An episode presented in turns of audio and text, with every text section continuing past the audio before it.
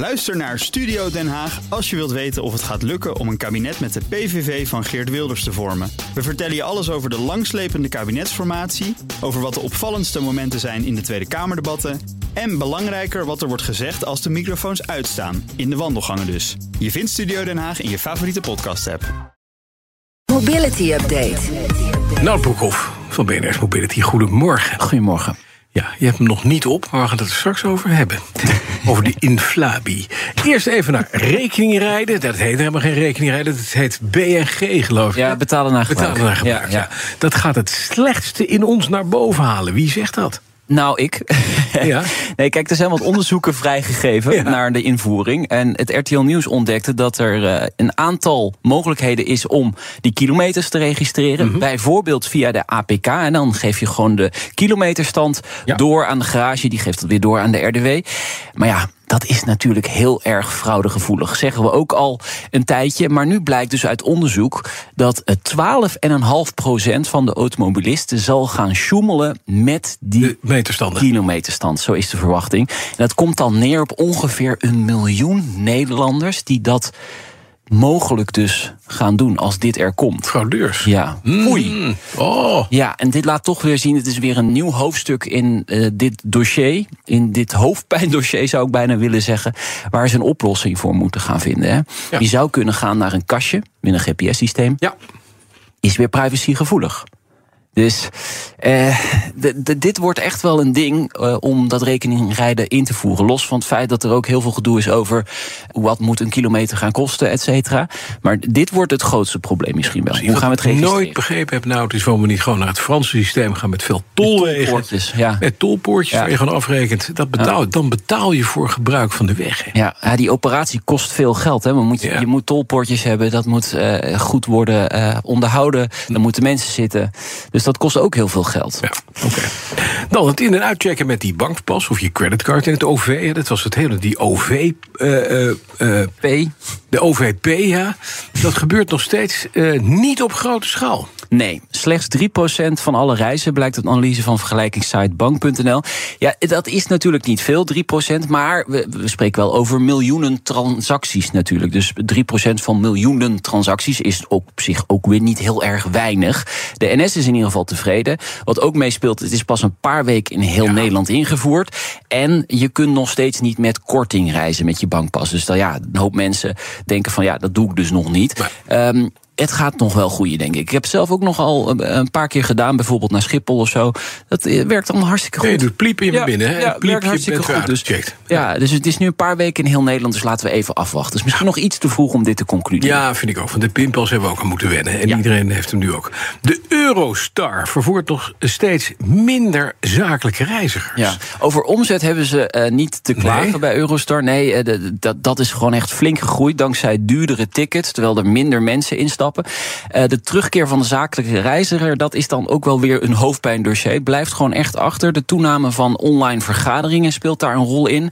Gecombineerd met ja, de relatieve voorzichtigheid van bedrijven om personeel weer op pad te sturen naar het buitenland. En als die mensen dan op pad gaan, dan eh, ja, zeker voor Londen, kiezen ze nog heel graag het vliegtuig Ja. en niet de Nee, trein. nee, Wat ook meespeelt is het gedoe eh, met de verbindingen tussen Londen en Amsterdam. Er komt de verbouwing van het Centraal Station aan. Nou, de, mogelijk ligt die trein er vanuit Amsterdam een hele tijd uit. Dat, eh, dat is ook niet eh, zo fijn. En eh, op dit moment is er ook veel eh, te weinig capaciteit op perrons in Nederland. Eh, bijvoorbeeld in Rotterdam om eh, genoeg reizigers eh, in die trein te krijgen. Dus soms rijden we gewoon weg met half lege treinen. Wil je ook niet. Nee, nee, zeker niet. We gaan even naar Volvo, want je hebt een mooi plaatje gestuurd van een gigantisch lange, 32 meter lange vrachtwagencombinatie eh, met twee enorme 30 voet containers erachter. Ja. Dat is een elektrische vrachtauto van Volvo. Ja. In de achterste container zit het accu- accupakket, of niet? Nee, nee, dat zit gewoon Oh. helemaal voorin in de, Oh, de FH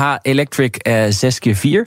Nee, dit is inderdaad een van de langste elektrische vrachtwagens die je op dit moment kunt krijgen. Het is nog een experiment. Hè. Het is een zogenaamde super eco-combi. In Nederland trouwens niet toegelaten op de de weg vanwege de, de verkeersveiligheid. Uh, mogelijk volgend jaar een experiment ermee, maar nog niet.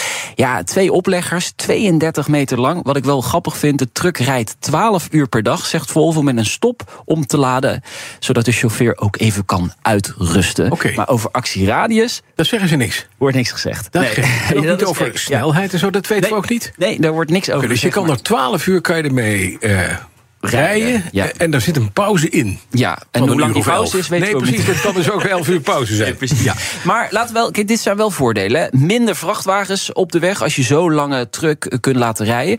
En hij is ook nog eens elektrisch. Nou, dat zijn twee vliegen in één klap. Dus ja. op zich een hele goede test. Absoluut. Nou, dan weten we de Duitse Red Dot uh, Design Award. Altijd heel belangrijk voor design.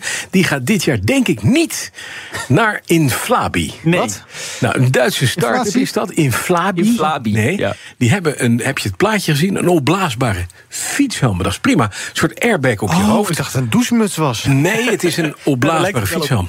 Ja. Mooi is als je daarmee gewoon van je fiets afstuitert. Op een stoep stuiter je zo je fiets weer op. Dat is ja, handig. Ja, ja heel, heel fijn. Nee, heel sexy is hij niet, maar wel Nee. uh, functioneel, zo blijkt. Ja, de helm bestaat uit een soort van hersenvormige luchtkussens... Mhm. Uh, die opblaast met een pompje.